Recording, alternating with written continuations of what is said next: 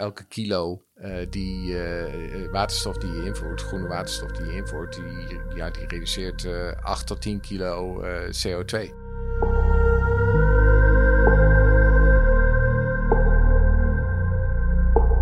Welkom bij Met Groene Kracht Vooruit.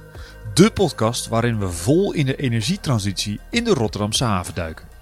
In dit eerste seizoen kijken we naar projecten binnen de eerste pijler van de energietransitie, zoals het havenbedrijf Rotterdam die hanteert.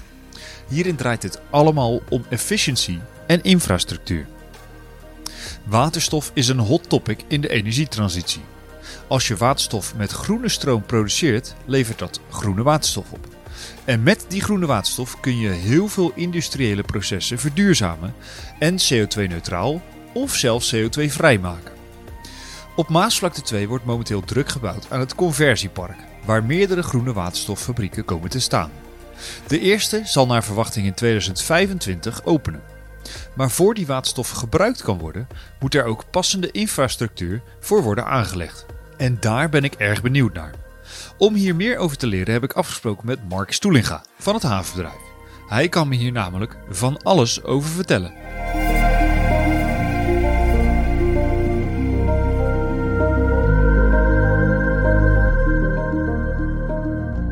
Om te beginnen, Mark, kun je jezelf even voorstellen? Ja, ik ben uh, Mark Stoelinga. Ik werk in de groep New Business en Portfolio. En uh, werk uh, een kleine twee jaar bij het havenbedrijf. En voornamelijk ben ik betrokken bij waterstofprojecten in, in de haven. Ik heb een scheikundige technologieachtergrond uh, en ben actief geweest bij verschillende industriële gassenbedrijven. Mm En daar betekent, dat betekent eigenlijk dat ik ja, behoorlijk veel met waterstof, stikstof, zuurstof en dergelijke in aanraking gekomen ben. en met de energietransitie ja, is ineens uh, waterstof hot. Ja. Uh, en uh, het is natuurlijk ontzettend leuk om in de haven betrokken te zijn bij die grote projecten. Ik heb één groot project gedaan ehm, met een consortium van partijen waar ook de havenbedrijf, het havenbedrijf bij betrokken was. Ja. Uh, en toen dat project afgelopen was, dacht ik van ja, misschien is dit wel een mooi moment om, om over te stappen. En ook uh, ja, echt grootschalige projecten binnen de haven uit te gaan voeren met uh, waterstof. Ik heb dus met Mark afgesproken, omdat hij in zijn nieuwe rol bij het havenbedrijf nauw betrokken is bij het waterstofnetwerk dat in de Rotterdamse haven aangelegd gaat worden. Wat houdt dit netwerk precies in? Nou, het waterstofnetwerk is een, uh, een uh, open access waterstofpijpleiding. Ja. Met een, uh, een zeer grote dimensie en, en volume. Mm -hmm. en dat wil dus zeggen dat we grote hoeveelheden waterstof kunnen vervoeren van de Maasvlakte naar Pernis in eerste instantie. Ja. en dat zou dus een heleboel bedrijven in staat stellen om hun waterstofproductie, dan wel de import, te faciliteren en ja. het ook naar, uh, naar andere bedrijven in de haven te brengen die, die waterstof nodig hebben. Ja. ja, en je zei open access. Wat houdt dat precies in? Dat iedereen erop aan kan sluiten? Dat, dat houdt in, in, in dat iedereen er inderdaad op aan kan sluiten.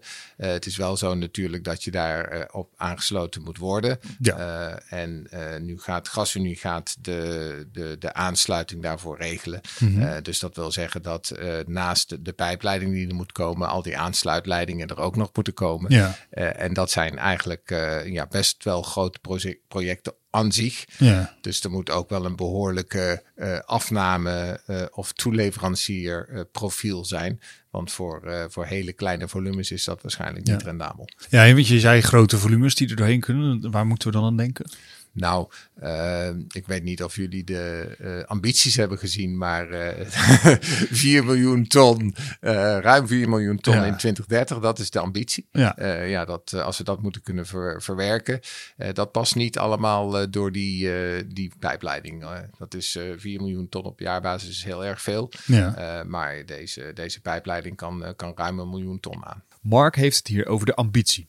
Tijdens de World Hydrogen Summit in 2022 presenteerde toenmalig CEO van het havenbedrijf Allert Kastelein namens zo'n 70 bedrijven de belofte dat de haven van Rotterdam Europa vanaf 2030 kan voorzien van minstens 4,6 miljoen ton waterstof.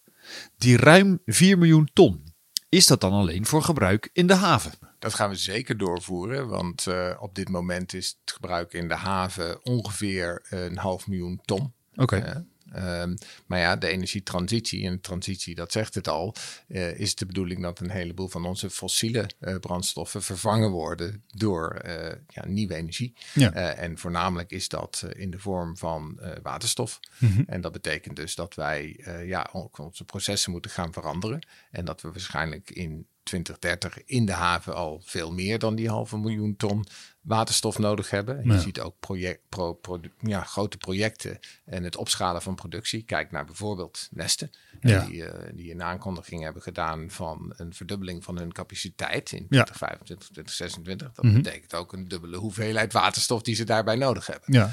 Uh, maar daarbuiten ja, gaan we ook een groot gedeelte van die waterstof door, doorvoeren naar de rest van het land.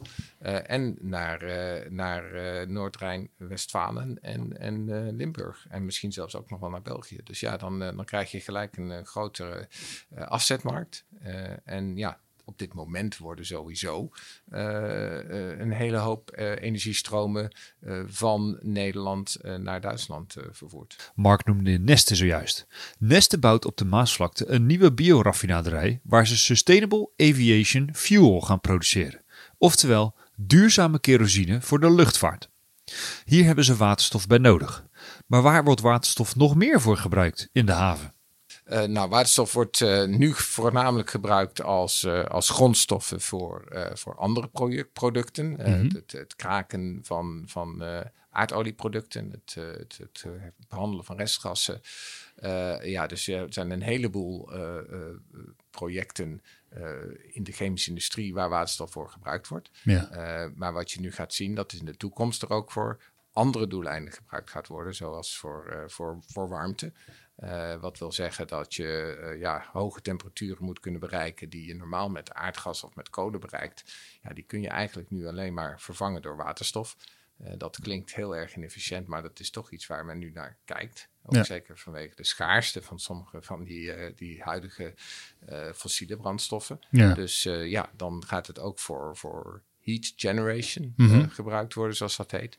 En je hebt natuurlijk een hele nieuwe markt van de mobiliteit. En dat is een, een zware trucks uh, op waterstof, auto's op waterstof. Ja, uh, ja dat is natuurlijk een, uh, een hele belangrijke toekomstige markt. En, en, schepen op waterstof, gaat dat ook gebeuren, denk je?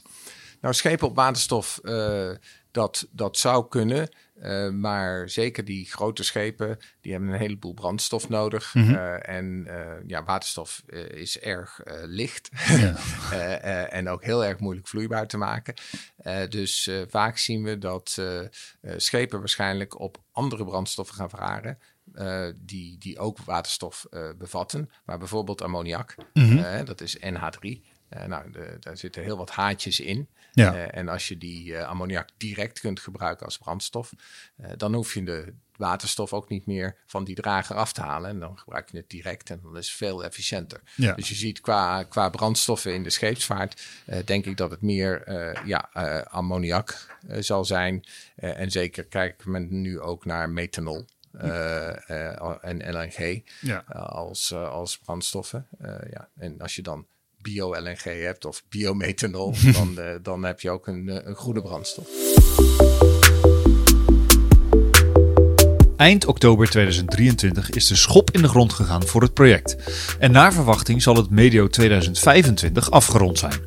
Maar wat wordt het traject van de leiding nou precies? En hoe lang wordt deze? Hij wordt uh, nou, ruim 30 kilometer van uh, het conversiepark aan de Maasvlakte 2 mm -hmm. tot aan Pernis. Oké. Dus, uh, en dat gaat helemaal onder de grond? Gaat dat dan in een. Het ja, gaat dat gaat niet naar rechte leiding? Het, het, gaat volledig onder de grond en het loopt eigenlijk uh, e ja, evenwijdig met uh, de A15. Als okay. je dat voor kunt stellen. En ja. daar is een hele grote, brede pijpleiding en corridor. Mm -hmm. en daar wordt, daar wordt die aan toegevoegd. De waterstofleiding die wordt dus heel belangrijk voor de Rotterdamse haven. En voor de bedrijven die groene waterstof gaan gebruiken. Maar waarom is dit nou zo'n belangrijk project? Ja, uh, de, het is enorm belangrijk om, om onze doelen uh, te halen voor de uh, 2030 mm -hmm. CO2-uitstoot. We willen 55% reduceren in 2030 en uiteindelijk ja, carbon neutral zijn in, in 2050. Ja. en als wij niet op een alternatieve manier onze, onze energie eh, eh, krijgen en we aangewezen blijven op de fossiele brandstoffen, ja, dan gaan we die doelstellingen niet halen. Nee. Want je moet er eigenlijk op van uitgaan dat voor elke kilo eh, groene waterstof je, je 10 kilo eh, CO2 eh, bespaart. Hè? Dus een miljoen ton eh, waterstof, dan bespaar je eh, 10 miljoen ton eh, CO2, ja, dat, dat is wel de moeite, ja, inderdaad. 1 miljoen ton groene waterstof bespaart 10 miljoen ton CO2. Dat is nogal wat. Dat betekent dus dat de 4,6 miljoen ton groene waterstof waar we in 2030 naar streven in de haven, gelijk staat aan 46 miljoen ton CO2-reductie.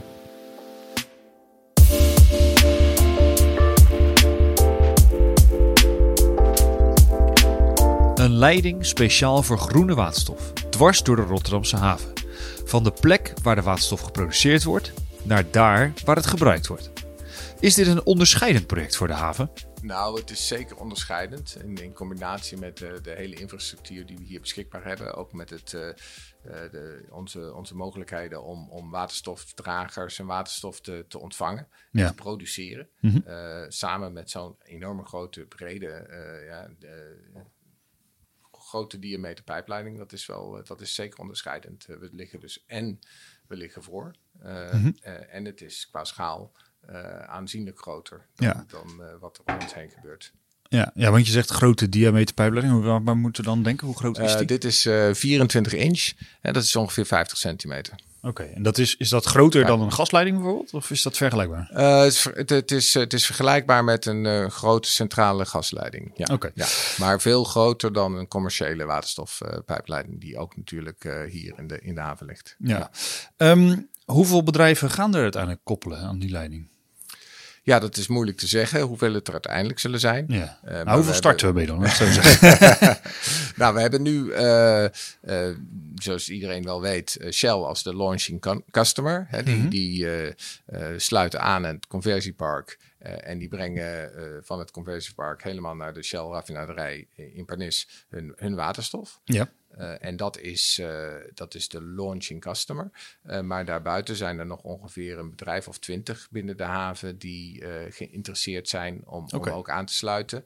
En dan moet je denken aan producenten, dus electrolyzers die aangesloten worden en waar waterstof dus geproduceerd wordt. Ja. Je moet denken aan terminals. Eh, Mhm. waar eh, waterstof geïmporteerd wordt en dat vervolgens eh, gedistribueerd moet worden. Ja. Eh, en waar dus ook een aansluiting nodig is op die pijpleiding. En dan heb je de afnemers. hè, dat zijn de grote chemische bedrijven. Maar ook eh, bedrijven die eh, in de toekomst eh, overgaan schakelen van aardgas naar eh, waterstof. Ja. Bijvoorbeeld in, eh, in Fornuizen. Eh, Precies, eh, ja. en, en dat is natuurlijk ook eh, heel interessant. Dus in totaal zijn dat eh, er ongeveer twintig op dit Ja. moment. Waterstof is een licht en vluchtig gas. Dat bovendien ook nog eens licht ontvlambaar is. Hoe veilig is die leiding dan straks? Nou, de, de pijpleiding eh, is, is inherent veilig. Ja. Eh, want eh, ja, er kan eigenlijk niks bij komen. Waar de uitdagingen zijn natuurlijk, is waar je connecties moet gaan maken. Mhm. Of waar je dus het, het gebruik gaat plaatsvinden. Ja. Ehm, op zich heeft eh, waterstof het eh, voordeel dat het eh, inderdaad heel licht is. En dat het dus ook vrij snel verdwijnt en naar boven, naar de, de lucht ingaat, zeg maar. Zonder dat het zich eh, samenpakt eh, en zodat er een, een, een explosieve situatie ontstaat. Ja. Eh, het nadeel van waterstof is ook dat het heel klein en heel vluchtig is. Dus het kan door elk gaatje Ja. eh, heen. gemakkelijk ontsnappen. en ja. kan dus wat, wat makkelijker ontsnappen. Het, de, de vlam is ook onzichtbaar. Wat dus betekent dat er ergens een, een brand zou kunnen zijn die je niet eens ziet. Eh, dus eh, eh, ik denk dat het niet, niet veiliger of onveiliger is dan aardgas. Maar dat je gewoon heel goed moet weten wat de eigenschappen van, van, van wa- waterstof zijn en, en hoe je daarmee om moet gaan. Ja. En ja, ik denk dat de haven daar een, een, een professionele omgeving is. met, met getrainde mensen die daar goed mee om kunnen gaan. Wat goed is om te onthouden, is dat waterstof geen nieuw gas is voor de industrie. Er wordt al veel gewerkt met grijze waterstof, waar er bij de productie nog CO2 vrijkomt. Bij de productie van groene waterstof komt geen CO2 vrij. Nee, maar zo- zo'n doorzichtige vlam, hoe ga, hoe ga je dat detecteren dan? Stel dat er iets zou gebeuren. Ja, nou, uh, alle mensen die uh, werken met waterstof, die, die dragen Nomex overal. Mm Waardoor dat betekent dat als je er per ongeluk tegenaan loopt, dat je niet gelijk verbrandt. Okay. maar ja, vaak, vaak hoor je het, vaak kan je het zien aan de meetinstrumenten dat de druk in de pijpleiding wegvalt. Ja. En dan ga je op controle uit. En ja, er zijn hele ja, common sense trucjes voor om dat te bekijken. ja. Je kunt bijvoorbeeld met een bezemsteel voor je uitlopen, maar hè, dat, oh, dat, je, dat je dus dat dat uh, eerder uh, vlam valt dan jij zelf. Ja, als er iets met de bezemsteel gebeurt, dan, dan gaat het niet goed. Ja, precies. Um, werkt hij verder helemaal hetzelfde als een gasleiding? Of, of, zijn er nog andere dingen die, die je moet doen? Nou, in principe is het, uh, is het uh, hetzelfde als een uh, normale gasleiding. Mm -hmm. je hebt alleen met een ander, andere stof erin te, te maken. Ja. En, ja, het is natuurlijk aan de bedrijven zelf om het te gebruiken in de hoedanigheid die zij, die zij voor ogen hebben. Voor we afsluiten, heeft Mark nog een puntje dat hij even aan wil stippen. Want als we het hebben over de import van waterstof, hebben we het niet alleen over pure waterstof. Ik denk dat het belangrijk is dat uh, mensen gerealiseerd dat als we het over waterstof hebben uh, in de haven uh, en met een grote hoeveelheid waterstofimport, dat je automatisch ook te maken krijgt met waterstofdragers. Mm zoals ik eerder al zei, is waterstof vrij moeilijk te vervoeren. Het is moeilijk om vloeibaar te maken en het is ook erg licht. dus het is handig als je dat op een drager uh, doet. Uh, en bijvoorbeeld liquid organic hydrogen carriers, dat zijn dragers. Uh, maar ammoniak is ook een drager. en ammoniak is ook een, een, chemische stof die al een infrastructuur heeft in de haven. Mm -hmm. Er zijn al ammoniak terminals. ammoniak wordt al gebruikt als grondstof voor kunstmest. en ammoniak is dus eigenlijk een handige drager om ook te importeren in de haven. en dat betekent dus dat er in de toekomst in de haven meer ammoniak uh, vervoerd zal gaan worden. En dat gaat in schepen en dat gaat in uh, grote tanks. Uh, en misschien ook wel met een pijpleiding. Ja. en ja, dat is wel belangrijk, want ammoniak is natuurlijk geen waterstof. En wat we net in het gesprek duidelijk hebben laten weten, is dat waterstof en aardgas zijn vrij vergelijkbaar. Mm -hmm. Het ammoniak heeft toch eigenlijk nog wel weer wat andere eigenschappen. Ja. Ook daar zijn we op voorbereid in de haven.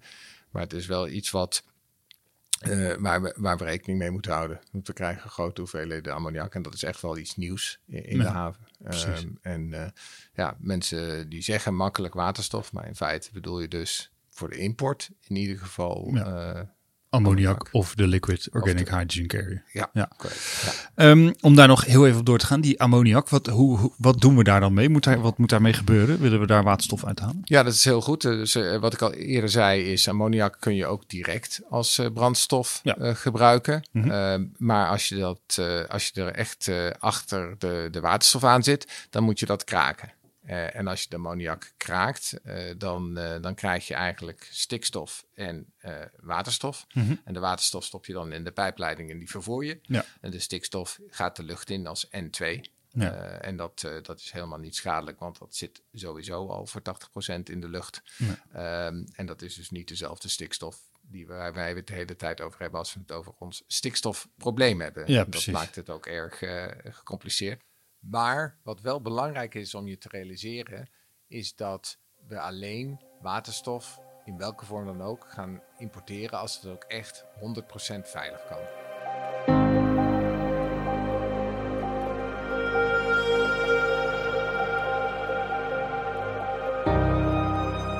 Elke aflevering van deze podcastserie sluit ik af met dezelfde vraag voor al mijn gasten. Mark zet zich met zijn werk voor de waterstofleiding hard in voor een CO2-neutrale haven.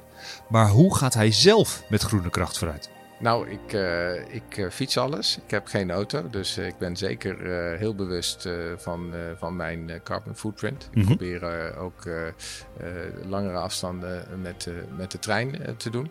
Dus dat is sowieso mijn persoonlijke bijdrage. Ja. Eh, aan, de, aan de energietransitie.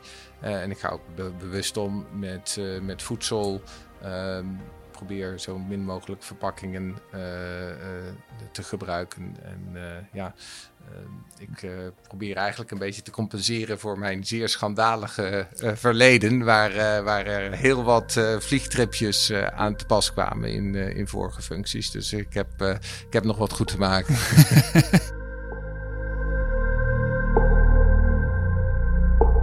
Dank voor het luisteren naar deze tweede aflevering van het eerste seizoen van Met Groene Kracht vooruit. Mijn dank gaat uiteraard ook uit naar Mark Stoelinga van Havenbedrijf Rotterdam. In de volgende aflevering ga ik in gesprek met Doris Bakker. Hij kan ons alles uitleggen over Portos, het project waarbij CO2 wordt afgevangen en opgeslagen in lege gasvelden onder de Noordzee. Het, het project, de, de, de term CCS zegt het eigenlijk al, CO2-neutraal, Carbon Capture and Storage.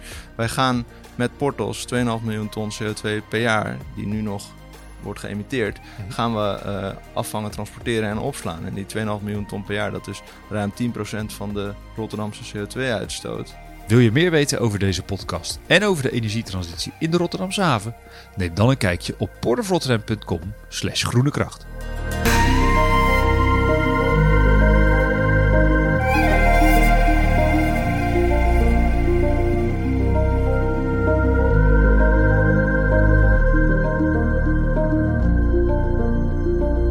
Krijg je geen genoeg van onze podcast? We hebben er nog veel meer voor je klaarstaan op portofrotterdam.com slash podcast.